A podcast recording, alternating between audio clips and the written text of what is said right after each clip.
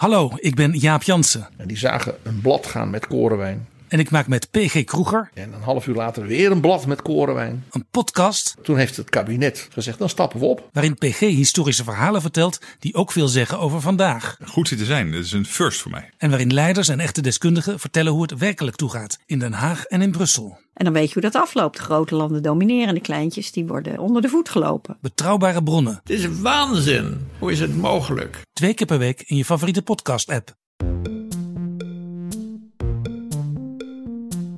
Hallo daar, fijn dat je luistert naar Boeken FM. Heb je een vraag voor ons? Stuur dan een mail naar boekenfm.dasmag.nl. En we zijn ook te vinden op Instagram, boekenfm. Wil je nou nooit meer een aflevering van ons missen?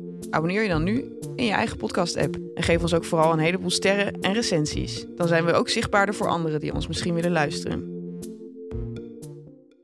Dat heb ik wel eens... Heeft dat in de New Yorker gestaan? Kan dat? Al, al die verhalen zullen wel ergens Oké. gepubliceerd hebben. Ik lees blijkbaar de New Yorker. Dat, dat Oh, ja. Oh, is Mark. Oh, is een New Yorker. Oh. Is het nou de New Yorker of de Paris Review waar ik het weet even meer. Misschien was het wel Le Monde. Had ik Le Monde gelezen? Ja, Le Monde Diplomatiek. Mm. Hallo allemaal en welkom bij Boeken FM, de literaire podcast van Weekblad de Groene Amsterdammer en uitgeverij Das Mag. We zitten zoals altijd in de studio van Dag en Nacht Media. Deze keer zijn we weer compleet Ongelooflijk. en zonder indringers. Eh, Hi Marja. Eh, dus met mij aan tafel Joost de Vries, Ellen Dekwiets en Merel Borst. Hey Charlotte, hallo. Hallo. Hallo. Merel. Hoi. Joost. Hey. Joost Hey. heeft een, je, hebt, je hebt een kneveltje. Je bent een snorretje aan het laten groeien. Ja, sorry jongens. Ik was gewoon heel moe gisteren. En als ik moe ben... Heb Ja, je alleen net maar de tijd om het baardje af te Ja, scheren? ik, als ik echt moe ben en ik, ik wil gewoon stilte in mijn hoofd... dan ga ik altijd gewoon Tweede Wereldoorlog documentaires kijken. Dus ik was gewoon lekker aan het kijken naar die generaals bij de slag om Arnhem. Weet je wel, Montgomery, Boy Browning. En die hadden allemaal van die goede snor. Dus ik dacht, weet je wat?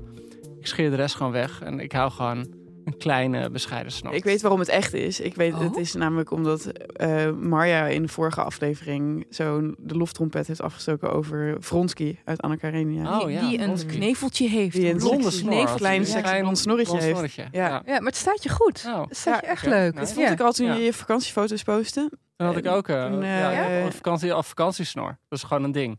Maar weet je, je outfit past er niet bij. Want ik vind wel dat je dan, Joost ziet altijd heel netjes uit. Maar dan moet je nu ook gewoon van die sportsokken in, in slippers dragen. Oh, hij wil dat hij vadermodus Oh, gaat. dat ik naar een barbecue. dad, eh, ja. dad mode gaat. Oké, ja. En een wife beater. Ja, nou en goed. dan mijn trui zo in mijn, onder mijn riem in mijn broek. Oh, Het heet tegenwoordig een wife pleaser, hè Ellen? Oh, nou, het is dat- net uh, dat vrouwvriendelijke klopt ook. woord. Dat klopt Oh, ook, dat klopt ook. Zo'n eh, wife appreciator. Oh shit, ik moet op zoveel dingen letten. Laten we het, letten, laten we het hebben over literatuur, jongens. Over taal gesproken. Wat gaan wij bespreken? Waarom gaan we het bespreken? Wie wil beginnen? Nou, Joost, je hebt het boek aangedragen deze keer. Ik dacht dat je ging zeggen, je hebt het boek gelezen deze keer. Voor de verandering. Nee, eh, Joost die leest altijd heel netjes het boek. Eh, en deze keer bespreken we? Ja. eh, de nieuwe verhalenbundel van George Sanders. En toen eh, Joost dat tegen mij zei, toen dacht ik, hè, kut. George Sand, die is toch al heel lang dood. Hoe kan daar iets nieuws van zijn verschenen? Maar het was dus George Sanders. Ja, Wil jij misschien dus- aan ons vertellen wie dat is? Heb ik jullie wel eens mijn George Sanders moment, mijn George Sanders ervaring verteld? Natuurlijk heb je hem weer ontmoet. Ik was in Scheltma. ik weet nog goed. ik was op Scheltema op het Rokin. Of zoals ik het graag uitspraak, het Rokin. en daar liep ik rond bij de Engelse boeken. En, en toen zag ik een man. En ik denk, hé. Hey. En het was gewoon een soort van grijze oude vos die op twee poten liep. Weet je, een beetje zo kalig, beetje, beetje rossig. Ik denk, god, dat is George Sanders. En hij stond daar bij die stripboeken. en hij stond gewoon door die stripboeken te bladeren. Ik denk, oh mijn god, dat zijn Nederlandse stripboeken. Hij is gewoon lekker plaatjes aan het kijken. Wat superleuk. Dus ik zou naar hem toe. Zeg van, excuse me, can I ask you a question? Are you George Sanders? En toen zei hij, nee, dat ben ik echt helemaal niet. En op dat moment dat je dan zeg maar zo wordt onttoverd, dan denk je ook, hoe heb ik dit ooit kunnen denken dat deze meneer George Sanders was? Maar goed, dat was in die tijd, volgens mij had hij toen net de Boekenprijs gewonnen met eh Lincoln in the Bardo, zijn enige roman in 2017. 2017, ja. Maar eigenlijk daarvoor, eh, en daarom was ik hier heel benieuwd naar, de- naar dit nieuwe boek, Bevrijdingsdag heet het in het Nederlands. Eh dat is een verhalenbundel. En in 2013, hij had daarvoor eigenlijk ook al een aantal verhalenbundels uitgebracht. Maar in 2013 had hij echt zo'n hele grote internationale doorbraak met zijn verhalenbundel 10th of December. En dat was echt zo'n boek waar de critici niet genoeg van kregen. En het heeft Shortlisted voor de National Book Award. ja, en het heeft volgens mij de Folio Award gewonnen. Ja. Folio Prize. Hij het er ook volgens mij een Guggenheim Fellowship aan. Ja, Man ja, overbeloond voor die bundel. ja, ongelooflijk. Het was echt Ja. zo'n boek dat, dat in dat jaar eh, in elk top 10 beste boeken van het jaar stond dat, Maar dat mag ik lijstje. jullie daar een vraag over stellen? Ja, Want dat het mag. verbaast mij dat iemand zo gelauwerd en gekranst is voor een verhalenbundel. En dit is ook weer een verhalenbundel. Dat, is- voor- in de Nederlandse traditie is dat Ja, niet. dat, nee, kijk, in? Amerika is zijn. En dat is wel echt een van de grappige dingen. In Nederland hebben we natuurlijk echt dat onderscheid. Dat met een verhalenbundel je ook niet genomineerd mag worden voor de Libris. Waarom niet? Dat is niet waar, Joost. Sleur is een roofdier van Ja. D. Hoyer. En daarna hebben ze toen besloten. Oh, dat hij echt niet, waar? ja, dat is toen heel. Ja, sorry, dat is echt een heel pijnlijk verhaal. Oh, echt? Dat wel? D. Hoyer heeft Ja. toen eh, de Libris gewonnen In met sleurs. 2005. Ja, zoiets. Zoiets, ja. Eh, met sleurs en roofdier. Heel bijzondere bundel. Echt Echt, fantastisch. Ja. fantastisch. Eh, en toen iets van een maand of zo nadat die prijs nadat gewonnen was, hebben ze toen besloten niet meer naar korte fictie. Wat wel echt natuurlijk heel beledigend is voor de prijswinnaar. Ja, Omdat dan eigenlijk krijg je te horen, je bent de verkeerde winnaar. Wat niet zo was. Want Wat Wat Nee, was nee, de onderbouwing hiervoor dan? Nou, volgens mij is, hebben ze, ik bedoel, voor de Boekenprijs geldt hetzelfde. Hè? Kun je ook niet met verhalenbundels winnen. Dus het idee is dat het echt voor romans is. Nou ja, oké.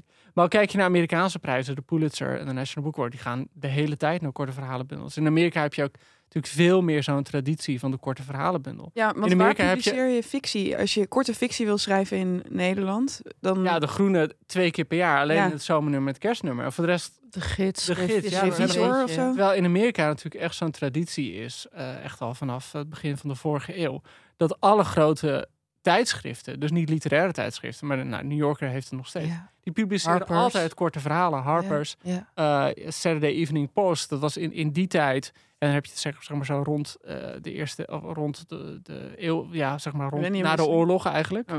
Dus jaren 40, jaren 50, jaren 60, hadden die bladen een oplage van miljoenen. Dus als je daar een kort verhaal publiceerde. Weet je, ik bedoel, het is ook heel grappig. Dan lees je die biografieën van, van Fitzgerald en zo. Die, die publiceerden dan één kort verhaal en dan konden ze een auto kopen. Ja. Weet je wel? Nou, ja. dan moet je bij de gids niet mee aankomen, denk ik. Eh, dus, dus in Amerika is dat echt zo'n heel andere traditie. En je hebt dus ook vaak dat schrijvers daar dan eerst een bundel brengen met korte verhalen en daarna pas een roman. Een roman, ja, dat is heel gebruikelijk. Ja. En wat ik ook wel, ik weet niet hoe, ja, dat is mijn ervaring ook wel, dat als je Amerikaanse verhalenbundels leest, het zijn vaak best stevige verhalen. Dus het zijn verhalen van 30, 40, 50 pagina's. Terwijl in Nederland korte verhalenbundels vaak zo van, oké, hier zijn 20 verhalen van vier bladzijden. Ja. Dus de, de intensiteit is, voelt ook als heel anders aan. Oh ja. Ja, ja, ja. ja, ja. jullie Af en toe, ja, want, want, want, want je, je moet niet een verhaal maken op. eh, Je moet niet een genre bedrijven en je dan aan dat soort vormkenmerken vast gaan houden. Ja. Als je denkt, ik heb meer nodig, dan heb je meer nodig. Ja.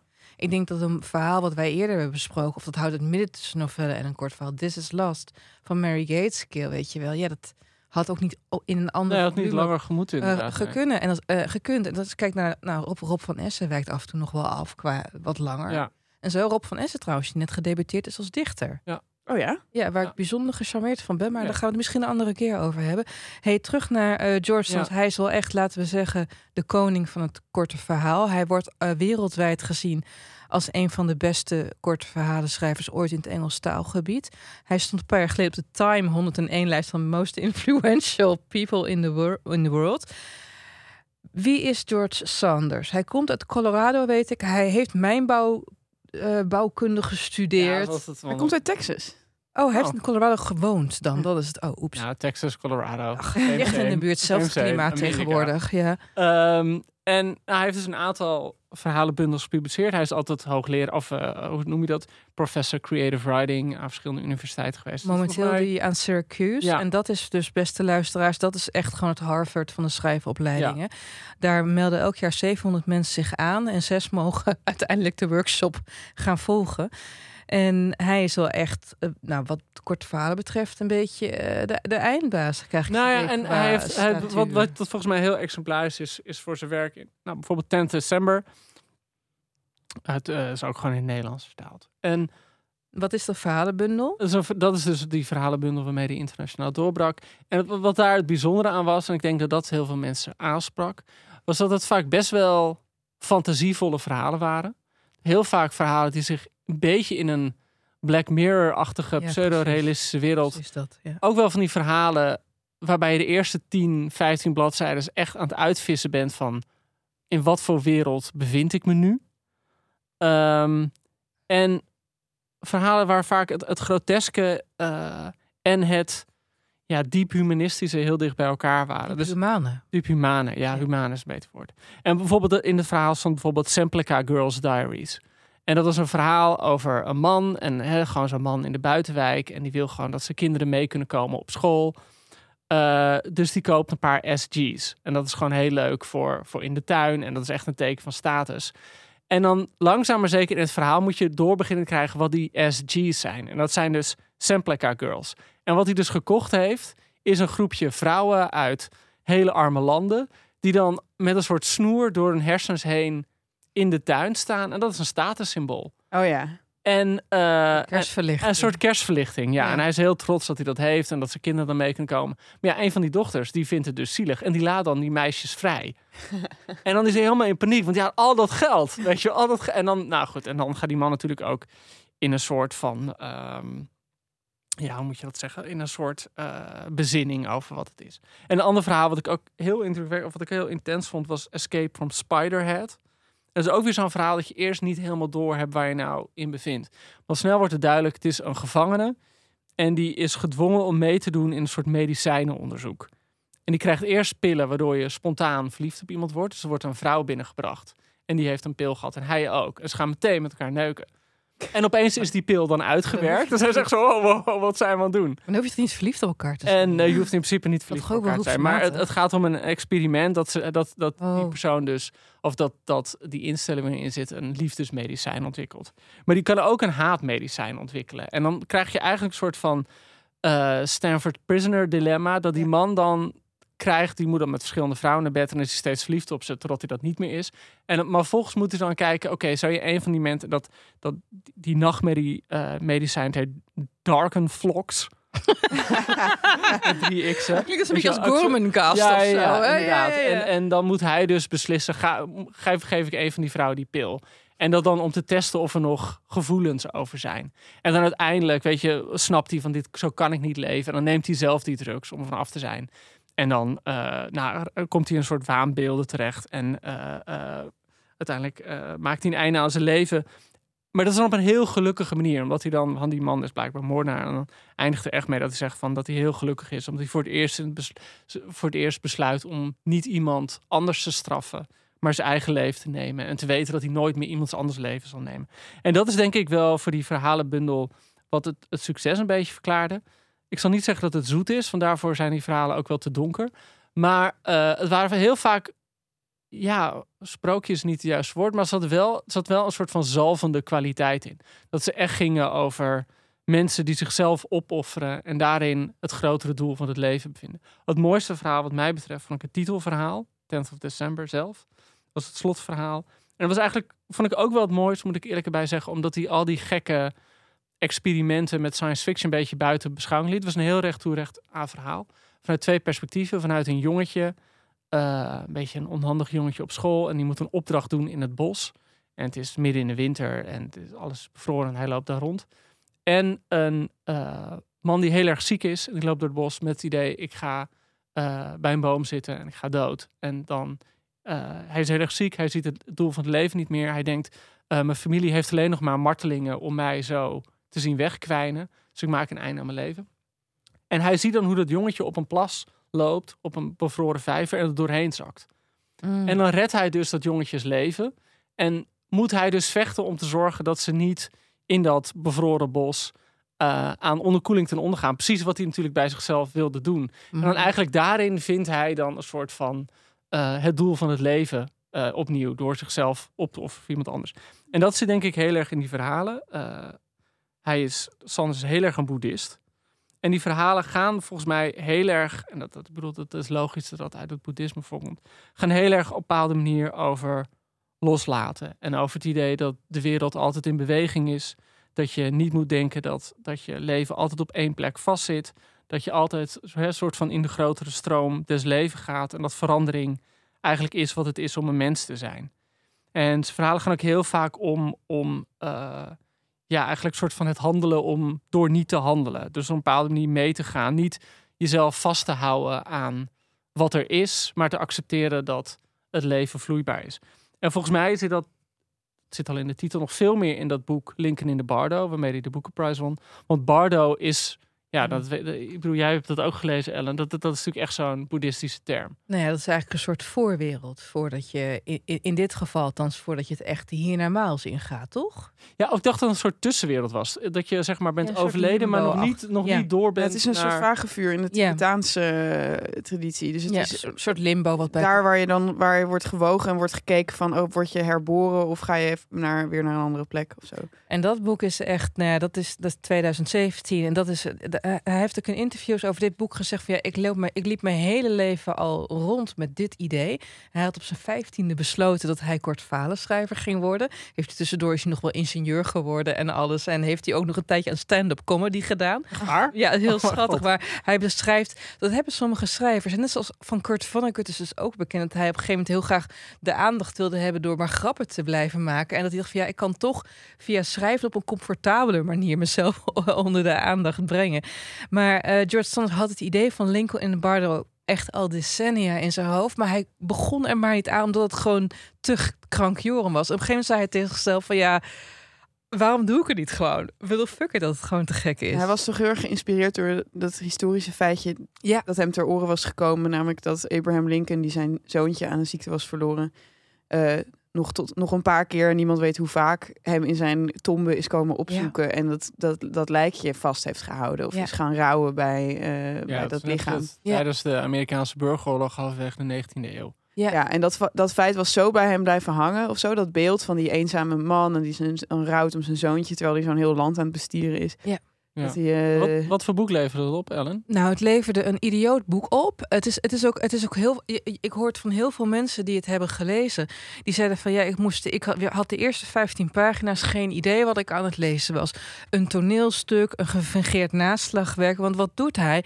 Niet alleen haalt hij 166 verschillende stemmen aan. Dus allemaal mensen die door elkaar praten in het boek en dit verhaal vertellen. Het is ook opgeschreven zoals je in je oude Griekse syllabi eh, zag hoe een, ehm, ja, een rijzang af en toe is opgeschreven. Hij heeft ook allemaal nepbronnen. Op een gegeven moment heb je één stuk in dat boek dat hij beschrijft hoe de maan op een bepaalde avond ten tijde van eh, het presidentschap van George Washington, eh, sorry, van Abraham Lincoln aan het schijnen was. En daar haalt hij vijf bronnen aan die, die elkaar allemaal tegenspreken. Wat al Ja. heel grappig is. En En, hij heeft- en het is ook dan weer gekmakend, want er zijn allemaal mensen die hebben dit allemaal gecontroleerd. Dat sommige van die bronnen zijn ook echt. ja, en sommige zijn gelogen. het is zo heel grappig. letterkundige is die dan wil gaan annoteren. En dan Ja, worden. Maar de, de, de pointe hiervan is, het begint dus inderdaad, er is een feestje bij de Lincolns thuis. Eh, volgens mij staat de burgeroorlog op het punt van uitbreken. ja, is al juist. begonnen, ja. Oh, die is al begonnen, goed. En ze weten dus dat, nou ja, shit is hitting the van hard. Ja. En ze hebben beneden een feestje, slash ook, weet je wel, een feestje wat al doorzeemd is met de zorgen over die oorlog. Want je weet dat er verliezen zullen volgen, et cetera. En boven, twee verdiepingen boven, is het zoontje van de Lincoln, Willie. Willie Lincoln, die is elf jaar, geloof ik, Ja. als ik me niet vergis. Die is aan het vechten voor zijn leven. Die heeft hoge koorts en die sterft. En eh, dan maakt het, ge- het, het geestje van die jongen zich los uit het lichaam. En die gaat een beetje zwerven over de begraafplaats. En die komt daar andere geesten tegen. En wat blijkt nou? Dat is volgens mij wel ook een idee uit het Tibetaans boeddhisme. Dat als je sterft, de moed waarin je sterft, is daarin bevries je vast zolang je in die bardo zit. Dus je hebt iemand die dus, een- volgens mij valt er een boom op zijn harses, terwijl hij net voor het eerst seks heeft met zijn vrouw. Dus die loopt erom met een knoepert Oh, van ja. een erectie de hele tijd. En iemand anders die eh, wil zichzelf doden. Dus snijdt zijn polsen open. Krijgt op het laatste moment spijt. En die heeft duizend en één ogen in het hiernamaals. Waarbij opeens alle dingen weer ziet die mooi zijn aan het leven. Weet je wel? Dus het is zo'n krankjorum verhaal. Maar gaandeweg krijg je als lezer een soort nieuwe blik op je werkelijkheid. Op hoe het is om te leven. Nou, dat, en maar ook op het concept werkelijkheid, toch? Want al Ja. deze mensen die beschouwen verschillende elementen van eh, de echte geschiedenis. Ja. En dat is George Sanders natuurlijk ook aan het doen door biografische elementen uit het leven van die Lincolns te halen en dat soort dingen. Ehm, dus bepaalde recensenten die beschrijven het dan ook als een soort heel intelligente postmoderne blik op werkelijkheid of zo. Maar aan, de andere kant is ook wel een beetje wat jij net zei over 10th of December. Dat er allemaal van die zalvende boodschappen in zitten over dat, de, dat het leven zo mooi is en dat we dat allemaal. Nee, en wat er, denk ik, wat er denk ik ook in zit, is dat volgens mij heel veel van die geesten niet erkennen dat ze zijn overleden. Dus ze houden heel erg vast. Dus ze liggen in een, een, een eh, doodskist. en noemen ze het ja, een, een sick box. Ja, een sickbox, ja. eigenlijk gaan ze ervan uit dat ze gewoon wel weer terug mogen naar waar ze waren. ja Dus, behoorlijk. en, en dat is, dat is volgens mij ook hoe dat in de Bardo werkt. Je kan er pas uit als je accepteert. En dat is natuurlijk wat volgens mij in, in heel veel van die verhalen van. Pas als je accepteert dat het leven eindig is, kan je weer verder. Ja, tegelijkertijd, wat ik mij herinner, want ik heb het gelezen toen het net uit was, is dat op een gegeven moment wordt ook wel een, een kleine glimp getoond van het echte hiernamaals, waar je dus door gaat stromen als je de, de Bardo eh, hebt gehaald, je Bardo-diploma op zak hebt. Dat is niet een feest. Dat is een soort van echt halve hysterische hel, hè?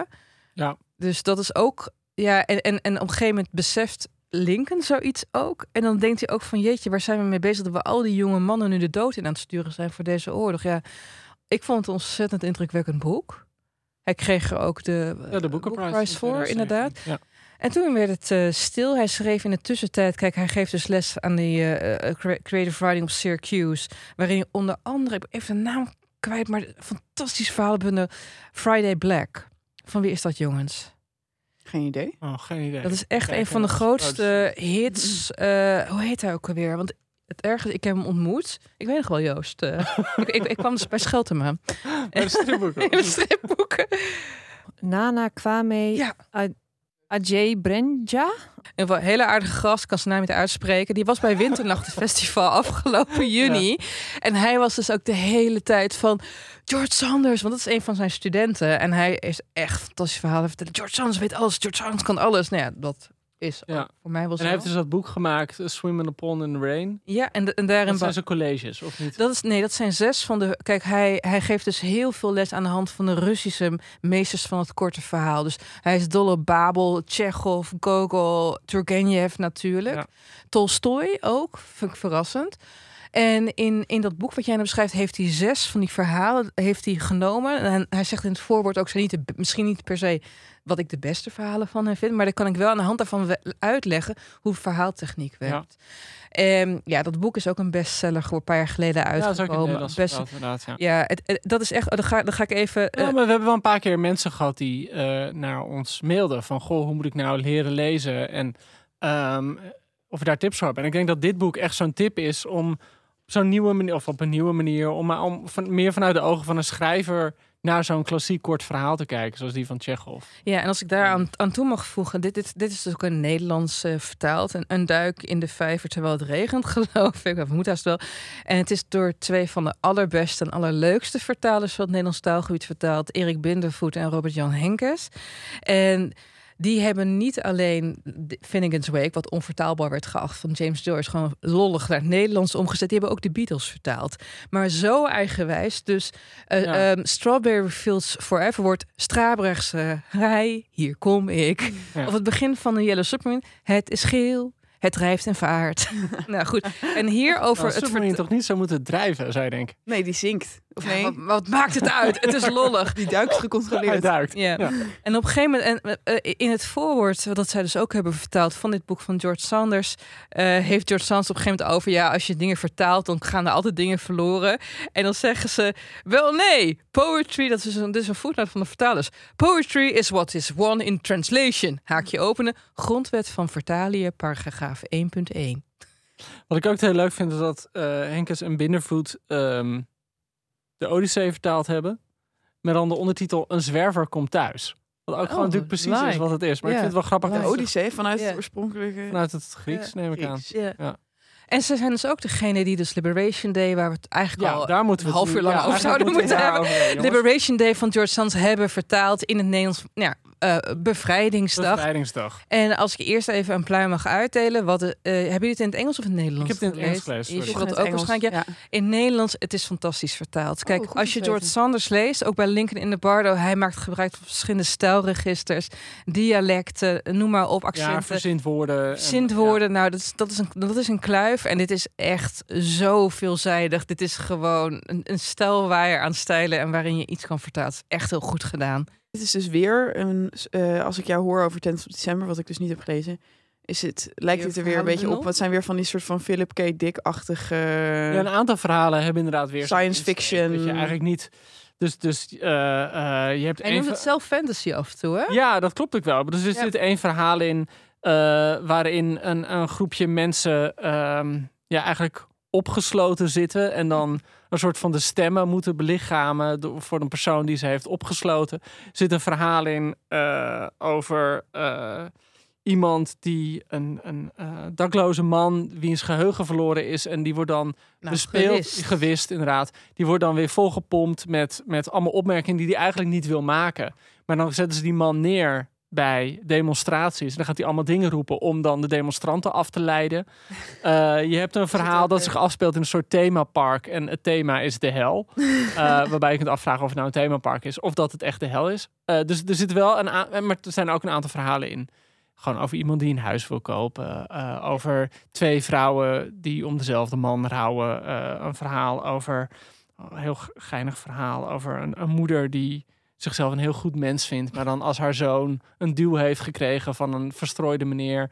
In een soort van, van militante, eh, vigilante vera- verandert ongeveer. En dat is verreweg mijn favoriet verhaal eigenlijk. Oh In ja? het Engels heet de Mom of Bold Action. Ja, de Mom of Bold Action. Vooral omdat zij is zo extreem neurotisch geinig iemand. Eh, want ze schrijft kinderboeken, geloof ik. Ja, Dus kinderverhalen. ze is de hele tijd in haar hoofd is ze op zoek naar waar ga ik nu in godsnaam weer een kinderboek over schrijven. En dan ze formuleert haar gedachten ook als, Als, als, de titels van ja, kinderboeken. of als pitchlines voor boeken. Ja, als Of- pit, ja. omdat ze gewoon weet het moet ergens op moet komen en dan overkomt haar zoontje dit. En dan Maar wat overkomt haar zoontje nou Die helemaal? krijgt een duw van de die krijgt zwerver een op duw van een vage vent op straat. Die Ja. gewoon zei van, nou, hij keek arrogant uit zijn ogen en daarom gaf ik hem een duw. En dan ontstaat er een verwarring, want er een vrijwel identieke vage man eh, daarvan beschuldigd wordt. En in een Ja, ja, ze dwingen die jongen naar de politie te gaan. En dan, Ja. dan komt er iemand binnen. En of, wordt- ze halen een man van straat. En dan willen ze eigenlijk, die moet de gevangenis en moet de gevangenis in. En jongen opeens komt er nog iemand binnen die die precies gewoon... op lijkt. Ja, Het allergrappigste is dat zij zit helemaal vast in die writersblok. Maar door dit incident met haar zoontje komt ze thuis en schrijft ze een soort vurig essay over dat het niet meer veilig is om over straat te lopen. En waar gaat het allemaal heen met dit land? En je moet toch eigenlijk gewoon actie ondernemen. En waarom kunnen we niet meer geweld met geweld vergelden? En dan leest haar man dat. En die raakt dan zo opgezweefd dat hij een van die twee zwervers met een knuppel te lijf gaat. En hem eigenlijk voor goed verminkt. En dan blijkt het ook nog de verkeerde te zijn. en inmiddels heeft de andere man toegegeven dat Ja. het was. Ik vond dat zo briljant. En omdat het ook niet, zeg maar, eh, aliens en snoeren en toekomstdingen in voorkwamen. En dat vind ik toch, hoe briljant ik dit allemaal ook vond. eh, al die andere verhalen. Vond ik hem eigenlijk op zijn allersterkst als het om gewoon interpersoonlijke Nou, en verhoudingen in, in dit geval had het verhaal, heeft het verhaal natuurlijk ook een soort van politieke lading. Omdat het Alles, alles. Het, Ja. elk verhaal is En, en politiek dit verhaal gaat natuurlijk zo heel duidelijk Ja. over zo iemand die vindt wij zijn nette mensen. Wij zijn keurige mensen. Het is echt een Karen dit. ja, het is echt Ja. een totale Karen. earth. Ja, wij zijn, wij zijn gewoon de hardwerkende mensen die gewoon netjes zijn, niemand lastigvallen. Maar als ze dan op aankomen, gewoon totale... Dus het is eigenlijk een soort van Trumpiaans idee zit erin. Die vrouw begint eigenlijk een soort van Make America Great-achtige retoriek te vertonen.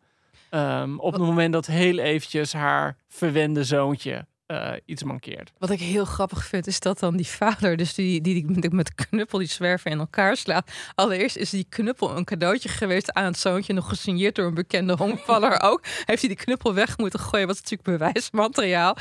En eh, zij durft later niet tegen die man te zeggen, tegen haar man te zeggen dat ze die zwerver heeft zien rondlopen, dat hij echt gewoon mank is gaan lopen. En terwijl ze zichzelf ervan probeert te overtuigen dat ze iets geheim moet gaan houden voor een man, slaat het tegelijkertijd een soort van radarwerk bij haar aan, waarbij ze zegt, ja, maar het is heel goed dat ik tegen mijn man ga liegen. En wat, wat, wat maakt het uit dat iemand even de rest van zijn leven kreupel is? En het is zo mooi hoe hij de, de mechanieken van cognitieve dissonantie in dit verhaal uitlegt. Het is echt heel erg knap gedaan. Ja, en, Ja, en dan gaat tegelijkertijd maakt het bij haar ook zo'n soort van herinnering los aan een jongen van vroeger. Ricky. Ja, haar neef. Ja, haar neef, inderdaad. Gewoon zo eigenlijk iemand Ja. die, ik bedoel, zij is zeg maar goed op de poten Ja, terechtgekomen. en hij verkracht niet. meisjes. Ja, bla, bla, en, en ja. eh, op een bepaalde manier moet ze daar ook aan denken. Dus er, komt heel veel los in het verhaal op een, ja, eh, een heel stuwende vertelling. Ik zou zeggen dat er soort van twee hoofdthema's eh, hier in deze verhalen zitten. Eén daarvan is een soort van de minuscule strijd die tussen mensen kan ontstaan. Want er zitten meerdere dingen in tussen collega's en zo. Gewoon hele diepe wrok Ja. eh, eh, die kan ontstaan in- eh, om de kleinste dingen. En dan aan de andere kant gaat het de hele tijd over ehm, een soort van simulacrum, toekomst, wereld, visie, waarin wij dan mensen, gewone mensen, andere mensen als een soort slaven zouden behandelen om voor entertainment. Ja, en er zit nog een derde component wat mij betreft in, namelijk taal. Want er, in twee verhalen zijn mensen gewist, hun hoofden Ja. zijn gewist en dan, ze krijgen opnieuw taal gedownload. Oh ja. En als we het hebben over het titelverhaal, Liberation Day, waarmee, het, eh, waarmee de bundel zelf opent. Het langste verhaal ook. Ja, ik, Ja. Ik, ik had er moeite mee om daarin te komen trouwens, jongens. Ik denk, wat is hier in godsnaam aan de hand? En ik vond het heel spannend. Ja, ik ook. Ik heb het echt. Ik, ik wilde ook niet stoppen met lezen. En ehm, heel kort samengevat, om de een of andere manier. Hele arme mensen op een gegeven moment in Amerika, die verkopen hun geheugen, laten ze hun, zichzelf wissen. En dan worden er woordenboeken als het ware en kennisvelden in hun hoofden gedownload, geplukt. En dan kunnen zij haast als de poppetjes op een orgel. Op een orgelband kunnen ze verhalen gaan vertellen. Ja. En dan heb je iemand die dus van die mensen heeft gekocht. Het is niet, ik weet niet zeker of het helemaal legaal is in Ja, het land. ja, heeft ze nou gekocht of gekidnapt? Ge- Nee, Ja. gekocht. Want volgens mij hebben zij hun ze- zichzelf Oh gekocht omdat ze niet meer uit de schulden kunnen komen om hun gezin te redden. Dus ze hebben ook alle herinneringen aan hun gezinnen laten wissen. En dan op een gegeven moment, dat is zo knap gedaan, dan dan heb je, zo'n rijke witte oude man. Die heeft dus drie van die mensen gekocht. Eh, zijn vrouw maakt misbruik van één van die drie. Want die vraagt s'nachts omdat of, of hij haar erotische dingen wil vertellen. En haar een beetje gaat beschrijven hoe sexy ze is. Weet je wel. Dus ze maakt seksueel misbruik van een van die personen. Maar ja, die weet toch niet beter. Dus ik denk dat zij een volwaardige relatie hebben. Vervolgens gaat die rijke man, die eigenaar van die drie mensen. Die laat hen een soort van... ehm, battle, een, een, een veldslag. Ja, een ergens soort in- reenactment of ja, zo. Hè? is met het, Henry Harrington. Ja. Een reenactment van een soort veldslag in het Wilde Westen tussen Indianen of Native Americans en cowboys. Terwijl allemaal andere rijke mensen kijken. En terwijl dat is gebeurd, komt een bevrijdingsleger binnen. Die die mensen die dus die eh, sprekers zijn geworden, die die, gehersenspoelde mensen willen redden. En nou ja, het, het is te gek om op te noemen, ook omdat het ontzettend meer lager wordt. Want het is niet alleen gaat het opeens over kolonisatie, want cowboy versus Native American, maar ook over een dystopische toekomst waarin mensen zo arm zijn dat ze hun geheugen laten wissen om voor entertainment purpose only Ja. verhaaltjes te vertellen aan andere mensen. Niet eens verhaaltjes die ze zelf mogen bedenken, maar die ze geprogrammeerd krijgen. Het is crazy. Het is crazy. Ja, ik vond het wel vrij soort van. Hij is niet, het is niet eenduidig. eh George Orwell. Je het wel zo van, oh, pas op, ze pakken je alles af. Nee. Want, want uiteindelijk, de hoofdpersoon, deze jongen, die, die houdt van zijn werk of zo. Hij is toe, compleet toegewijd aan dat verhalen vertellen en aan de vrouw van zijn baas. En Ja. Als hij wordt bevrijd door die activisten, dan vindt hij dat helemaal niet prettig Leuk. of zo. Nee. Dus dat is op een of andere manier intelligenter dan alleen maar dystopisch van, oh help, ik zit opgesloten en ik heb mijn herinneringen niet meer. Eh, dat is iets meer in dat, in dat op één na laatste verhaal. Daar is dat iets duidelijker. Eh, Maar bijvoorbeeld dat verhaal Ghoul. Ja, fantastisch. Eh, ja, misschien kunnen we vertellen. dat heb ik wel eens, heeft dat in de New Yorker gestaan? Kan dat? Al, al die verhalen zullen wel Ja. ergens Oké. gepubliceerd hebben. Ik lees blijkbaar de New Yorker. Dat, Oh, ja. ja. Oh, Mark. Oh, Chanté. dat is de New Yorker. Is nou de New Yorker of de Paris Review waar ik het weet meer. Misschien was het wel Le Monde. Had ik in Le Monde gelezen? Ja, Le Monde Diplomatiek. Mm. Ehm, en dat is een verhaal, ja, hoe moet je dat uitleggen? Het speelt zich af, het lijkt een themaparkachtig iets te zijn, ja. eh, van de hel. En maar is het Nou, van de hel. Nou ja. hel. Het is Maar gewoon een hell ondergr- bedoel je? Ja, ondergrondse ja. versie Ja. van een Amerikaans themapark. Met al die afschuwelijke dingen die je in Amerikaanse themaparken hebt. Namelijk jaren 50 diner en Ja. de Wilde Westen attractie. En griezelhuis. een, eh, ja, een spookhuis. eh, een, een rivier die er zo omheen, maar dan met mechanische eenden erin en zo. Ehm, het deed mij heel erg denken aan Baudrillard. Ja, ik ben wel goed op de Oh ja. Eh, Toch? Die zegt op een gegeven moment... Was het soms een hyperrealiteit? nou ja, die beschrijft toch op een gegeven moment zo van... oh, eh, we bouwen zoiets als Disneyland. En dat wordt dan op een gegeven moment... wordt dat dan echter dan dat wat er omheen zit. Ja. Of zo. Dat, dat, dat deed mij daar, eh, daar heel erg aan denken. Want het hele leven van die personages speelt zich ook af binnen dit themapark. Hun hele werk is voor de eventuele visitor... eh, dit themapark gaande te houden. Dus ze gaan naar hun werk. Hoofdpersoon verkleedt zich elke dag als een Ze soort wonen op hun werk. Demon. ja. En die moet dan in het spookhuis elke dag, ook al heeft hij iets aan zijn rug, moet hij knielen en doen alsof hij Ja. het wel griezelige dingen doen. Maar wat ik dus terug wilde koppelen naar het eerste verhaal. Die, die man, Brian heet hij geloof ik. eigenlijk hij- is hij een soort van laagste van het laagste op dat werk. Maar hij vindt het gewoon wel prima. Ja, Hij is zeker. gewoon wel gelukkig in hoe beperkt zijn leven is en de dingen die hij moet doen. De En kleine pleziertjes. Een hele leuke persoonlijke stem. Want hij heeft een haast, haast zoals sommige mensen met hoogfunctioneel autisme kunnen spreken, zo bloemrijk. Weet je wel, alsof ze net een woordenboek hebben ingeslikt en het moet er weer allemaal uit. Ja. Het is zo ontzettend lollig gedaan. En eh gaandeweg lees je, oké, want dit is echt duidelijk een dystopisch verhaal. En gaandeweg merk je ook weer het belang van taal hierin. Want ze hebben dus daar op die werkvloer, is er een aantal dingen wat je niet mag zeggen. Namelijk, ehm, waar blijven de bezoekers? Oh ja, ja je, mag niet, je mag niet duidelijk maken dat, dat het om de bezoekers gaat. Oh, je mag ook niet duidelijk, maar je mag ook niet hardop merken dat, de, dat het park uit elkaar aan het vallen is. En dat het al Hey, het vaker- is overstroomd. Je mag alleen zeggen, hé, hey, het overstroomt vandaag. Ja. toevallig. En wat er dus dan, stel je voor je zegt het wel, dan blaast iemand op een fluitje en dan word je doodgeschopt. Ja, uiteindelijk wordt er iemand doodgeschopt. inderdaad, Meerdere, drie mensen. Deze vond ik wel heel soort Ja. van on the nose of zo. Want op een gegeven moment komen ze er ook achter dat wat ze denken dat er boven de we- wereld nog is, is een trap naar de bovenwereld. Nou Gewoon nee, naar, een betonnen plafond. eh, en dan Oh, ja. blijkt er dat er Ja. geen. Dan blijkt het dat die trap helemaal nergens naartoe gaat. Alleen naar een dicht betonnen plafond. En Ja. dan, eh, dit is het gewoon. Meer is er niet. Nou, dan denk je natuurlijk, oh haha. Hè, dat gaat natuurlijk over ons. Dan op een gegeven moment. Eh, Amy, de geliefde van, van Brian, die laat ook een brief achter, want zij moet ook worden doodgeschopt. Eh, en zegt zij: Sweetie, no one is coming to see how good we have done. Uh, it is just us forever until a flood gets us or the air or the food stops coming. What a joke the way we live. Oftewel, al die kleine dingetjes. maar dit is niet het einde van het verhaal. Dit, is, dit wordt terloops opgemerkt in die brief. Maar die Ja, maar- Brian, die, die heeft wel twijfel, maar die gaat er alsnog voor, voor in dat park blijven.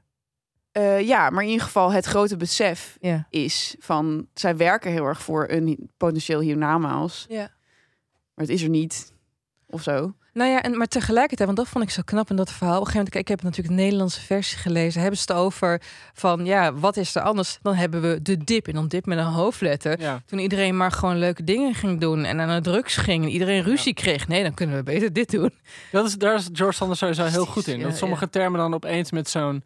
En dat is ook een beetje die puzzel die sommige van die verhalen zijn. Dat sommige dingen dan opeens met een hoofdletter worden geschreven. En dat je dan opeens... Dat je dan voor jezelf moet gaan bedenken... Oké, dit is dus een ding dat iedereen kent. En dan moet je vaak een beetje tussen de regels door eh, opmaken wat er nou precies... Ja, maar dit is, dit is toch is wel standaard science fiction Ja, op zich wel standaard. Oké, nee, nou goed. Je hebt bijvoorbeeld ook dat verhaal Love Letter. Ja, prachtig. Eh, wat op zich een heel mooi, mooi gegeven is. Gewoon iemand die een brief schrijft aan zijn kleinzoon. kleinzoon. Ja. En eigenlijk schetst, wordt tussen de regels door, gaat heel het over het leven post-election. Ja. Eh, waarin dus duidelijk wordt dat Amerika eh, gewoon een dictatuur verworden is. Of een autocratie, autocratie, ja, autocratie is geworden. Met hele strenge Met migratiewetten. hele strenge migratiewetten en, en hele allerlei vrijheidsbeperkingen. Op een hele subtiele manier. En het is gewoon zo iemand die een beetje zo zijn kleinzoon goed advies wil geven. En dus je moet echt tussen de regels door bedenken wat er nou precies met het land gebeurd is. Ja, maar ik vond deze dan nog wel het meest expliciet. En deze trok me eigenlijk nog het meest uit die wereld van George Sanders. En veel te veel in dat soort van post-Trump Amerika... waarin iedereen Maar- vond alsof hij daar een mening over moest hebben. Maar ik vind alles in dit boek, of bijna alles in het boek, maar Ellen zei het ook al, is gewoon heel erg post-Trump. Ja. Of heel erg Trump. Laat ja, ik, ik denk, ja, Ja. want, want, want, want dat, dat heeft, heeft Sanders ook in interviews gezegd. Hè? Hij is zo van, je, eh, zo van, ik voelde me zo zelfgenoegzaam in mijn overtuiging dat Trump nooit in 2016 die verkiezingen kon winnen. En toen gebeurde het toch. Ja, en dan moet je met antwoorden komen. En dat is natuurlijk ook gewoon dat hele absurdisme. Dat kenmerkt zijn eigen werk, wat hij allemaal heeft gemaakt. Ehm, wat ik heel mooi vind aan dat verhaal Love Letter... is dat die grootvrouw gezegd van... ja, weet je, we, za- we stonden erbij en keken ernaar... dat de democratie aan de wilgen werd gehangen. En weet je, eh, het, kwam, het was ook wel comfortabel. Ja. Weet je, ja, eigenlijk wel balen. ook- dus ook die in- morele ambiguïteit toont hij fantastisch. Maar ik vind Ja, het wel maar ook soort in heel. Ik vond het een beetje Ja, het te persoonlijk ik of vond, zo. het, ik vond het als model Oh, vond ik niet. wat Nee, vond ik heel minder goed. werken. Maar bijvoorbeeld wat je, waar we het net al aanspelen, dat verschillende verhalen gaan erover mensen die maar eindeloos de meningen van anderen door. Ja. Ja. Dat je zelf hun Ja. kritisch denkvermogen uitgeschakeld hebben. En gewoon maar roepen wat hun minder voor wordt omgedragen om te roepen. Nou, daar kan je natuurlijk ook heel erg de, de, de maga-cultuur van Trump eh inzien. En zijn volgelingen. Ja, maar toen vinden jullie dat dat... eh, op een of andere manier vind ik het jammer om dat te weten. En had ik deze bundel misschien nog net één puntje cooler gevonden... als ik deze context niet had gehad. of zo. Oh, sorry. Maar gelukkig heb je hem al uit. Oh, Merel. Ja, ik Merel. zie Hoi, Merel. Merel. Merel. Een moment dat Merel een beetje gaat bewegen. Ja, dat ik zo een beetje ongemakkelijk word. Opeens gaat zo'n beetje mee. Hallo, hallo, ik ben Merel. En eh, dan is het meestal zo'n teken dat jij, eh, dat jij Dan ook iets ontdekken jullie opeens Ja. dat ik hier ook Ja, ongelooflijk. Ja, ehm, Gaat u ermee? eh, nou, kan beter. Oké. Heel erg ongesteld. Oh, nice. Ja, ik moet ongesteld worden. Jij, We Charlotte? zijn inmiddels helemaal in sync, dames. Joost is ook aan menstrueren. Ja, ik zit behoorlijk in Dan mijn krijgt hij zo'n snor. En eh, ja, dat is, dat is gewoon Onze duidelijk. acne Door- eronder te hormonen zijn Ja. dat inderdaad, ja. zijn de hormonen. Heb je we lekker geklommen? Vorige keer was je aan het klimmen. Ja, ik was nu ook weer aan het klimmen vanmorgen. Ik heb mezelf er toch maar naartoe ges- gesleept. Nice. Ehm, Je weet dat het niet me- hoeft, hè, klimmen. Ik doe dat nooit. Nee, maar als ja. ik één ding geleerd heb van maandverbandreclames, is dat je gewoon alles kan als je ongesteld Je kan bent. alles. Je kan ja. gewoon alles. In een wit tennisrokje. Ja, gewoon lekker gewoon in je pastelkleren. ja, precies. Dus ik ging lekker, in mijn eh, witte catsuit eh, vanavond, vanochtend weer eh, die wand op. Maar eh, nee, het was, het was een feest. En nu ben ik hier. En ik heb een hele leuke vraag van Diewertje. Hey Duwtje. Ehm, want Diewertje die, eh, die eh, zit in 6 VWO. Leuke naam altijd, Diewertje. Ja. Dat is zo'n vrolijke naam. Ja, Dat is mensen ook. die Mickey heten of zo. Daar word je altijd blij van. Dus, ja. vrolijk maken. Een van de leukste mensen die ik ken heet Duwtje. Nou, kijk eens aan, Oké, Diewertje. nou, wat wilde die wat je Nee, weten? Diewertje. Nou, Diebertje die, eh, die stuurt ons het volgende. Lieve Ellen, Joost, Charlotte en Merel. Ik luister al ruim een jaartje met veel plezier naar jullie podcast. De afleveringen over de grote drie heb ik zelfs meerdere keren beluisterd. Groot favoriet. Ik zit op dit moment in 6 VBO en ga over een paar weken een presentatie geven voor Nederlands over de grote drie. In deze presentatie wil ik graag vertellen over de kenmerken slash criteria waar een eventuele nieuwe grote drie aan zou moeten voldoen. Hebben jullie hier ideeën over? Ook heb ik net als jullie gefilosofeerd over wie de hedendaagse grote drie dan zou moeten zijn. Maar ik vind het een lastige opgave. Zal er volgens jullie ooit nog een nieuwe grote drie komen? Of is de literaire wereld ten aanzien van de jaren 50-60 hiervoor te veel veranderd? Ik ben heel benieuwd naar jullie antwoord. En PS, jullie zouden vaker moeten uploaden. Groetjes. Oh. Zo cute. Groetjes, Diewertje. Jee, nou jongens, Uploaden. dank je, dank je wel Diewertje voor je vraag. En wat leuk dat je over de grote drie eh, gaat spreken. Ehm, we hebben volgens mij wel eens eerder hier onze gedachten over laten gaan. Ja, hè? ik ben ook heel bang, want zij heeft die podcast meer, meer vaker geluisterd dan wij hem wij hebben zelf. opgenomen. Ja, Dus eh het wil zijn dat we onszelf nu heel erg gaan tegenspreken of heel erg gaan ik kan me niet voorstellen dat ik iets intelligents heb gezegd in die aflevering. Nee, je was nog gewoon zo onder de indruk dat je met mij en Ellen Ja, in de zeker. studio zat. Je zat Jullie zijn mijn eigen grote Van die drie. grote ogen zo. Eh, Maar volgens mij het verschil... Kijk, ik denk dat het wel fijn is dat we niet meer in de jaren 50 leven. Oh, Jij had het goed gedaan in die tijd, hoor. Ik had het heel goed gedaan in die tijd. Ik zeg dit ook meer uit beleefdheid naar jullie toe. Eh, maar het was natuurlijk een hele monoculturele maatschappij op dat moment. Dus iedereen kwam uit de oorlog. Iedereen had een beetje dezelfde dingen meegemaakt. Monocultureel, het was fucking verzuild. Het was echt eh, tetracultureel. Ja, ja, nee, nee. Je had aan de ene kant die verzuiling was, was los aan het raken na de oorlog. Eh, maar mensen hadden dat nog wel echt in hun wortels. Dus mensen hadden de verzuiling met elkaar gemeen. Mensen hadden de oorlog met elkaar Op gemeen. deze manier. Ja, dus er waren En er een aantal waren dingen die iedereen in de maatschappij met zich meedroeg. En minder distributiekanalen voor literatuur. Niet zoals nu, weet je, dat je via internet van alles kan lezen Nee, en nee, schrijven, dus het je was, wel... was, was heel duidelijk. Dus Ja. het feit dat mensen zoveel dingen met elkaar gemeen hadden, maakte er ook voor dat er een aantal schrijvers waren die die grote thema's aanraakten. Eh, en dus ook automatisch een soort van heel grote spreekstoel hadden. Dus eh, een criterium waar dus dan een hedendaagse grote drie aan zou moeten voldoen. Nou ja, te bedenken. Dat is moeilijker te bedenken. Ik Ja, je bedoel, zou zeggen dat ze dan- migratie is een van de dingen. En gewoon Klimaat. überhaupt het klimaat en, en sowieso de veranderende demografie van Nederland. Nederland is gewoon een land dat veel meer dan in de jaren 50 in verandering is. Dus, dus dan zou je, ja, zou je dan schrijvers moeten hebben die die thema's vastpakken. Ik denk dat dat wel Werkt zo werkt of zo. Nou, nee, misschien niet. Want de, de grote drie zijn niet alle, niet alle drie bij uitstek oorlogsschrijvers, toch? Nou Reven- ja, nee, Reven niet zo. Mm, Reven zou- Ja, maar even wel de saaiheid van die... de site van Nederland. En natuurlijk wel in die verzuiling speelde Reven natuurlijk ook heel erg een rol. En het, het schoppen tegen de heilige huisjes. Nou, nu zijn er gewoon heel weinig heilige huisjes meer. Oh ja, dus je zou zeggen dat het destijds taboe doorberekend schrijven Nou, makkelijker was. Nou ja, het heeft een functie gehad ook. Ja. Ik denk ook dat, dat literatuur en cultuur in de breedste zin ervoor gezorgd hebben dat heel veel dingen die taboe waren en, en wat dichtgetimmerd waren, opengebroken werden. Ik denk ook dan bij het categoriseren van een hedendaagse grote drie, je ervoor je echt wel twee dingen uit elkaar moet halen. Dat je of je wel, je, je, je noemt drie mensen op prescriptieve basis, namelijk dit zouden ze Moeten zijn. Ja. precies, of op descriptieve basis. Van En dan is het gewoon Rutger Bregman. Ja. Dus, dus, dus, dus, dus weet je, hoe, hoe de statuur die ze... Ja, ik- kijk, ik denk maar dat is misschien te oud voor Ar- Arnold Grunberg... vanwege ja, zijn sociaal en symbolisch kapitaal in het debat en zijn prijzen. Maar als ik denk... eh wie ja, zou- heeft, heeft zeker laatste jaren wat anders. Maar die heeft natuurlijk echt een aantal van die boeken die heel erg gingen over vreemdelingen, haat. Nou en, ja, ja, ja, ja, ja, eh, ja. Toch ook weer de oorlog. De oorlog. Ja. Maar, maar, maar, die, maar, maar wel diverser dan dat. Ehm, kijk, voor vrouwen...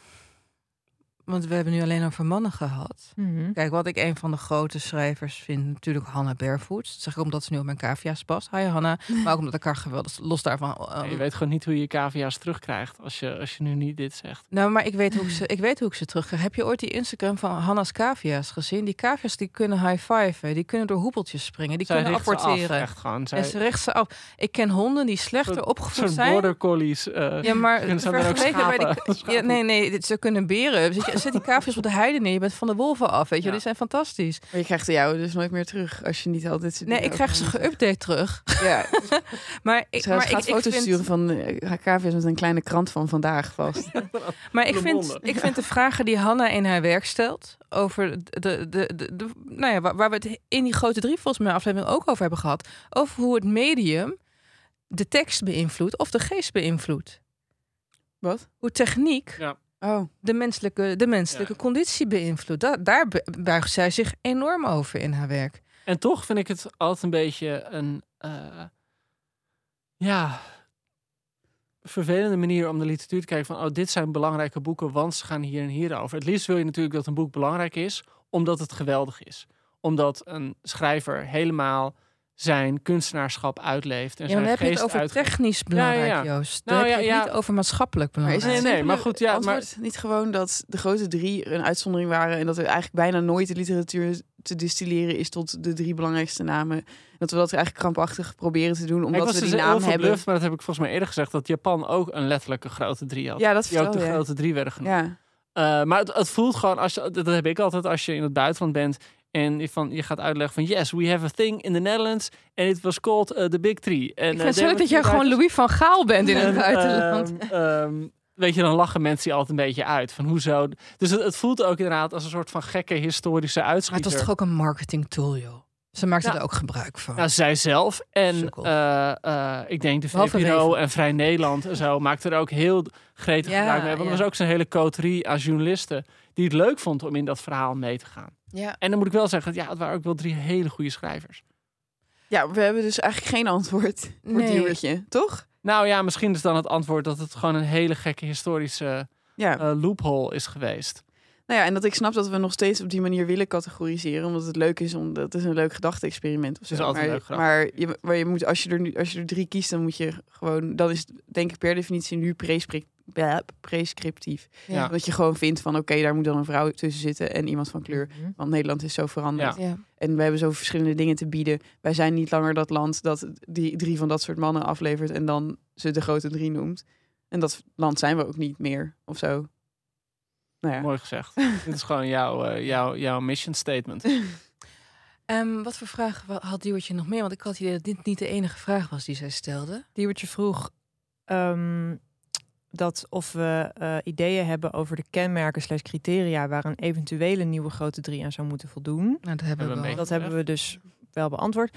En eh, zal er volgens, ooit, voor- volgens jullie ooit nog een nieuwe grote drie komen? Of is de literaire wereld ten aanzien van de jaren 50 hiervoor te veel veranderd? Ja, en niet alleen vanwege de, de nadruk op diversiteit en dat het ook allemaal meer sub, subgenres zijn geworden. Dus dat je, ehm, maar ook, eh, je, dit, dit doe je altijd in retrospectief. En dan gaat, het, dan gaat het iets zijn wat een literaire historicus gaat zeggen van, oh nou, die zijn dat echt. Dat, dat wordt dan iets waar hij of zij sier mee gaat maken. Dan heb je een ruzie in een glas water in het academische debat daarover.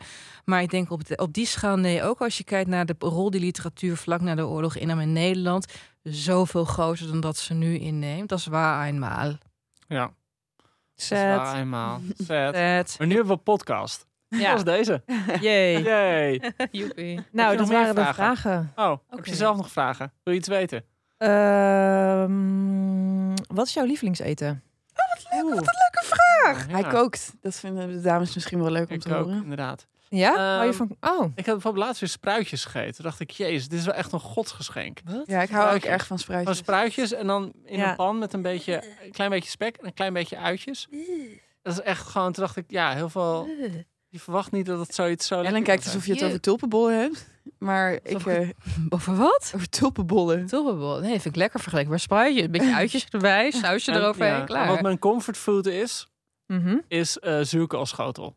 Oh, oh, ja, ook bij mij ja. een van die... Oh ja, en mijn stampot bedoel je? Nou, ik, nee, ik maak, Maar- hem, ik maak dan eh, gehakt met ui en dan zuurkool. En dan doe je dat door elkaar heen. En dan doe je een klein laagje ehm, ehm, eh, aardappelpuree eroverheen. En daar dan wat, heel veel kaas over. En wat ik Dan dan wel doe... oven? Ja, sorry, dit, dit, dit- het is niet een, een culinair hoogstandje. Maar dit is, dit is mijn comfortfood. Nee. heel veel aromat eroverheen. Ik wil het liefst eigenlijk... Het is voor mij meer een soort van vehikel om aromat tot me te nemen... dan dat het echt Aha. een maaltijd is. Ik moet, kan ook hier gewoon op een lepel gewoon zo aromat Dat je dat dan nog, dat dat nog te krijgen is. Ja, het, is, Ja. En dat je nog nieren hebt. het, het ziet er ook altijd zo uit als Ja. dat niet meer zou mogen bestaan. Ja, Die dikke korrels. Kan niet. Die denkt van er zit asbest in. of zo. Hey, en jij, Charlotte, wat, wat, wat is jouw culinaire ding? Eh, wat ik maak of wat ik het Ja. liefst eet? Allebei. Zo. Wanneer ga je nou eens voor ons koken? Want ik bedoel, jij komt uit zo'n culinaire Oh, ja. familie. Ik heb geen eigen huis. Nee, hè. maar eh Merel Ik wel, ik wel. ik ga Merel wel heeft een heel fijn huis. Bij deze koken. belofte, ik zal voor jullie koken bij Merel thuis. Maar wat ga je maken dan? Eh, ja, daar moet ik even heel hard over nadenken. Dat ga ik nu dan niet revealen. Maar mijn comfortfood is een hele grote bak eh eh eh, mierzoete Thaise curry van eh, elke willekeurige foute Thai. oh, en Merel? Ramen. Ra- Comfort Oh, food? Dat is Ja. zo eng. Vooral als er een ei in drijft. Nee, dat is het beste deel. Over Oh, menstruatie gesproken. Ik ben grote- als de dood voor eieren. Dat is echt mijn... Je eet Oh ja? niet? Nee, maar een gekookt ei. Als een van jullie dat hier aan tafel zou eten. Ja? Ja, dan moet ik eigenlijk weg. daar, kan, daar kan ik gewoon niet helemaal bij zitten. Dat is? Oh, is het de geur? Echt zo'n bruine Het is, café-snack ook, het is hè? gewoon de geur. Het is wat het is. Kan ik me niet overheen zetten. Eh, ik vind het gewoon... Ja, ik vind... Maar gek genoeg een omelet of zo vind ik heel lekker. Ja. Weet je wat ik best wel vaak heb? Is dat ik me voorstel hoe het zou voelen om een hardgekookt ei met schil en al erin te bijten. En dan krijg ik echt gewoon pijn aan mijn ruggengraat als ik daaraan denk. En jij, Ellen?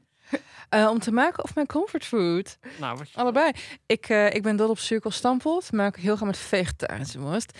Maar wat ik echt, wa- wa- wat mijn ultieme comfortfood is, maar het kost altijd heel erg lang om te maken, zijn de verse spring wraps. Oh. Maar dan met 10 miljoen ingrediënten Ja, ja, ja. en dan Ja, zo'n vegan Ja. pindasaus Oh, en lekker, zo. ja. Jesus Ja. Christ, dat is zo lekker. Nice.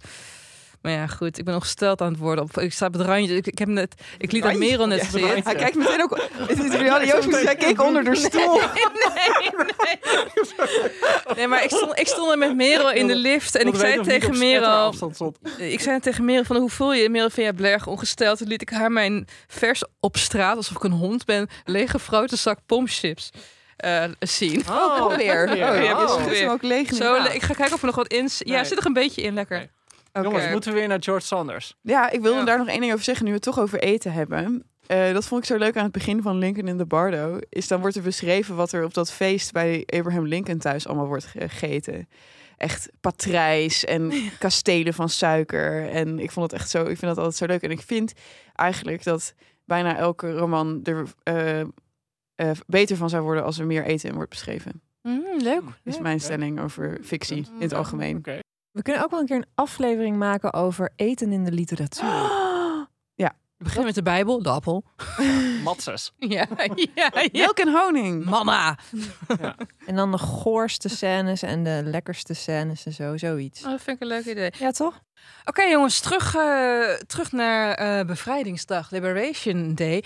Ehm, wat ik heel leuk vond, ook als je interviews met George Sanders leest, hij heeft bij een aantal verhalen ook gewoon gepoogd om even dicht bij de bondigheid van Tsjechov te komen. Hè? Ik weet niet of dat een verhaal is dat jullie trof, maar op een zeker moment heb je het ene laatste of het laatste van het huis. Ja. Het laatste verhaal. Vond ik het mooiste verhaal. Ja, ja, ja. Wa- Of nou, misschien niet het mooiste, maar ik vond het wel een uitzonderlijk verhaal. En waar zat het hem in? Eh, nou, gek genoeg niet dat dat voor mij doorslaggevend is. Maar kom je weer een beetje terug bij wat ook in, in 10th of December sommige gaat heel erg om loshalen. Het gaat om, om iemand die een huis wil kopen. Een heel mooi oud historisch huis. En die gaat dan langs bij die man die het verkoopt. En heeft hij dan een leuk gesprekje mee. En dan de verkoper gaat dan zeggen... ja, misschien mag ik nog wel eens langskomen. En dan zegt ja, tuurlijk. En dan zegt ja, misschien mag ik wel een keer een paar dagen bij logeren. En dan reageert hij Net heel... te lang Ja, is hij stil. gewoon net te lang om te zeggen oké. En vervolgens krijgt hij bericht van ik wil het niet meer verkopen. Oh. En dan langzaam, ik vertel het verhaal nu een beetje na, vergaat het huis. Want die man die, kan, die is oud en die kan het onderhoud niet meer betalen. Dus een deel van het huis stort in en er is lekkage. En degene die het wilde kopen blijft steeds meer geld bieden. Op een Ja. gegeven moment de drie dubbele van verkoop Ja. mij dat huis. En dan uiteindelijk is de, de man die het zo graag wil hebben, legt zich neer. Nou, ik zal niet vertellen hoe, maar eigenlijk bij de onmogelijkheid van wat hij wil. Ja. En voor mij is dat weer zo heel erg zo'n teken van. eh, je kan nooit iets echt. Zo'n verhaal voor hem, wat, wat een soort van moraal lijkt te hebben. Van je kan nooit iets echt bezitten. En alles is vergankelijk. En dat, dat huis, wat ooit zo begeerd is, stort aan alle kanten in. Dus eigenlijk begeert hij meer een droom dan dat hij echt een echt bestaand iets wil. Nou, en, nou en, en dat niet alleen. Hij, hij, hij, hij beweent ook de tijd.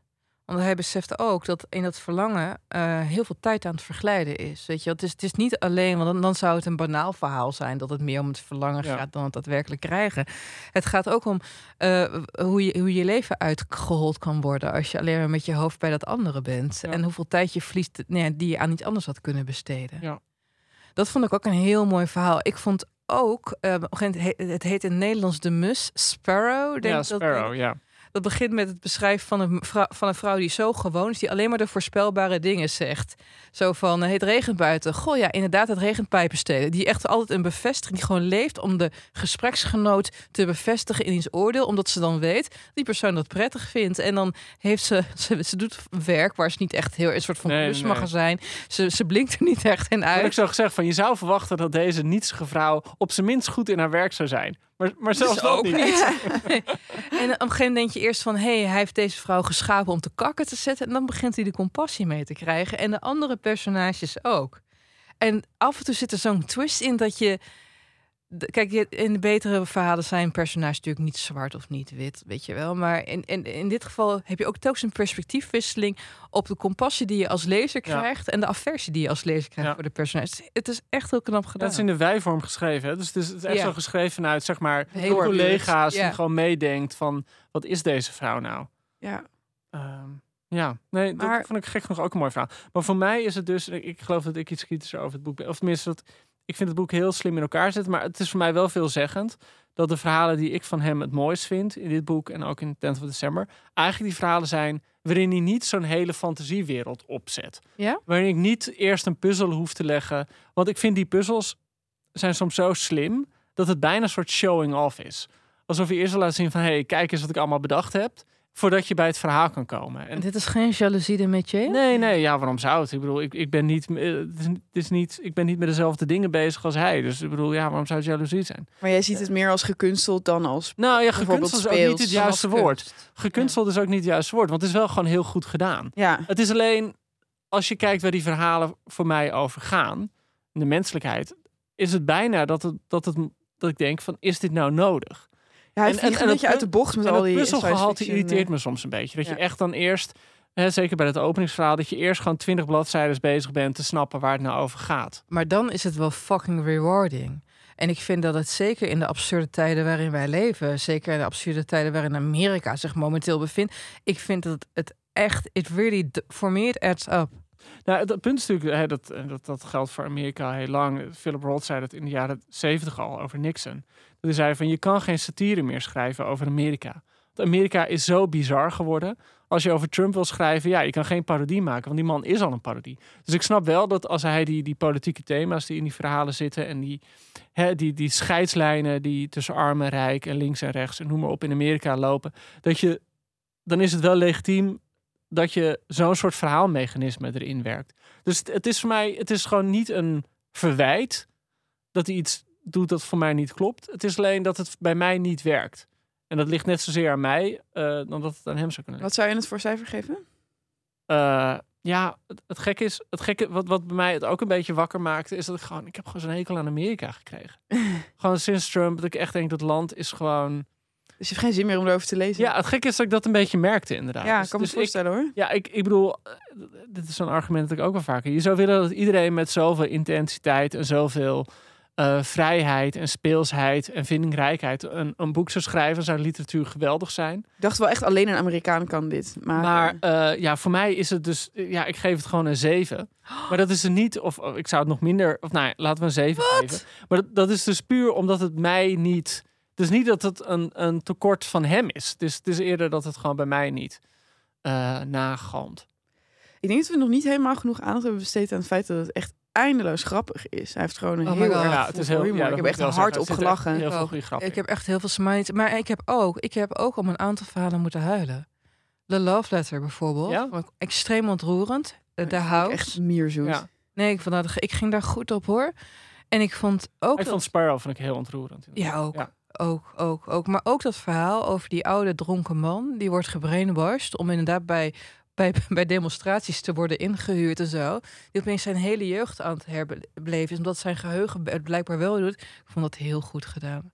Wat zou jij het geven, Charlotte? En waarom? Eh, nou, ik was gewoon diep onder indruk van eh, hoe vlot en talig en grappig en creatief het allemaal was. Ik dacht van wat een energie heeft deze man. En ook steeds weer dat het verhaal op een bepaalde manier begint en dan weer helemaal anders eindigt. Ja, En ja, Ja. sorry, dat is dan wel nog iets wat ik erbij moet zeggen. Dat elke stem is echt een stem. Weet je, Heel echt, erg al die verhalen zijn Ja. heel uniek van elkaar. Precies, en het vocabulaire van al die verschillende personages wijkt volledig van elkaar af. En eh, je kent ze allemaal of zo, ook al heb je maar korte tijd om ze te leren kennen. Dus ik was echt zo onder indruk. Ga ik zeker nu 10 december lezen ook nog. Ehm, het enige wat voor mij dus eh, eh, een punt aftrek oplevert, is dat dat hele expliciet, ja, wat, ik, wat op mij overkwam als een hele expliciete verwijzingen naar Trump. Eh, vooral in, dat, in de love letter. Dat ik echt dacht, ja, god, je hoeft echt geen kleur te bekennen aan ons. De kans dat, dat George Sanders pro-Trump is vrij klein. maar het gaat niet om de referentie, maar om hoe je als Amerikaan het hebt kunnen laten gebeuren, toch? Ja, maar dat vind ik dus omdat die brief zo'n dat ook echt als kreet heeft van oh jee, we hebben het allemaal laten gebeuren. Hoe heeft dat kunnen gebeuren? Ik denk van ja, dat voelt als een eh, alsof hij om vergiffenis vraagt en dan ja, Mhm. dat is natuurlijk die opa doet dat, maar dit was nog het meest het personage waarvan ik dacht dit is George Sanders. Mm. En Die, is die, dan- ja, die en dan- iets kwijt wil over hoe hij En dan vind ik het heel aanstellerig dat hij het doet, want hij heeft natuurlijk geen Trump gestemd. Nee, Dus dan ben je het ook nog zo. Precies. Maar- jongens, je- maar en, en de, en de nuances dan, ja, ik- sorry hoor, maar en de, nuances dan in dit verhaal, want het gaat, het gaat ook over, ja, het kwam ons ook wel goed uit om ons niet heel erg tegen tegen Ja, tegen deze is toch, gasten te volgens mij, voor, dat, was, dat is toch allemaal gesneden koek of zo. Ik, het is gewoon niet voor mij een intelligente opmerking over Trump-era. Maar goed, dit, Maar dit is nu- nu, dat ene nu verhaal. beoordeel Nou je ja, dat is dat ene verhaal, Ja. maar dat was voor mij echt een doorn in het oog. Maar de rest van de bundel vond ik namelijk echt fantastisch. Ik heb, Ja. geef het dus ook een 9. Ook, ook. Eh, ja, zoals altijd. Zo, de- ook Ja. Ja. Ja. ja. Nee, ja, goed. ehm, de bezwaren die jullie hebben, heb ik totaal niet. Ik vond het qua, qua humor, qua ontroerendheid, qua menselijkheid, qua fantasieheid, qua diversiteit, qua rijkwijde. Ik vond het, ik vond het idioot indrukwekkend. Ehm, de vertaling, het is zo rijk van taal, ook in de vertaling. Dus eh, ik dacht dat Middelmars het zou zijn, maar dit is mijn eerste team bij Boeken FM. Hey! Ik, eh, Hey, maar wat lekker voor je dat je... Want de 10th of December heb je niet gelezen. nee, dat ga ik dus nu Ja, dus lezen. dat kan je nu lezen. Heerlijk, Ja, heerlijk. Die vond ik beter, dus moet je nagaan. Joost, oh my god. En dan Wat- komen we uit op een gemiddelde van ongeveer een 8,8. En jij bent de volgende keer niet bij dat we opnemen. Nee, ik ga Oh. college geven. Heel ver weg. Ja, Indonesië. Een stukje fietsen wel. Ja, even fietsen, ja. Dus, ik, eh, dus ik zit eh, aan de Universiteit van Jakarta. Oh. Ja, dus, Vervelend eh, of de pok om... eh, ja, Dat je dan arme niet ik. bij ons kan zijn. Ja. om Nee, op te ik, nemen. ik zal, ik Oh, zal is jullie vanaf, de, vanaf het strand, waar ik mijn huiswerk, waar ik het huiswerk nakijk, met een mojito. Heel eh, hard huilen dat je niet bij ons Maar je bent dan wel weer terug Ja. voor de kerstaflevering, hè? Oké, Zeker weten. ga jij dan voor ons koken met kerst? Nice. Ja, jongens. Door, jongens. Nee, want dat, hadden we dat de luisteraars al verteld? Dat we dit jaar weer een dubbele Ja, kerstaflevering... kerstafleveringen, eh, ja. Dus daar kunnen Maar we- jullie er op... komt eerst nog een gewone december aflevering. Ja, Ik bedoel, en eh, zijn- nou ja, Joost en ik dan maar weer us voor de verandering. Heel fijn. En Merel. en ons Merel. Ik ben Ons, er ook bij. ons aller Merel. Jongens, eh, heel erg bedankt dat jullie hier met mij weer waren vanmiddag. En eh, ook bedankt aan jou, luisteraar. Ehm, we zien jullie over twee weken weer terug. Tot dan. Joep. Doei!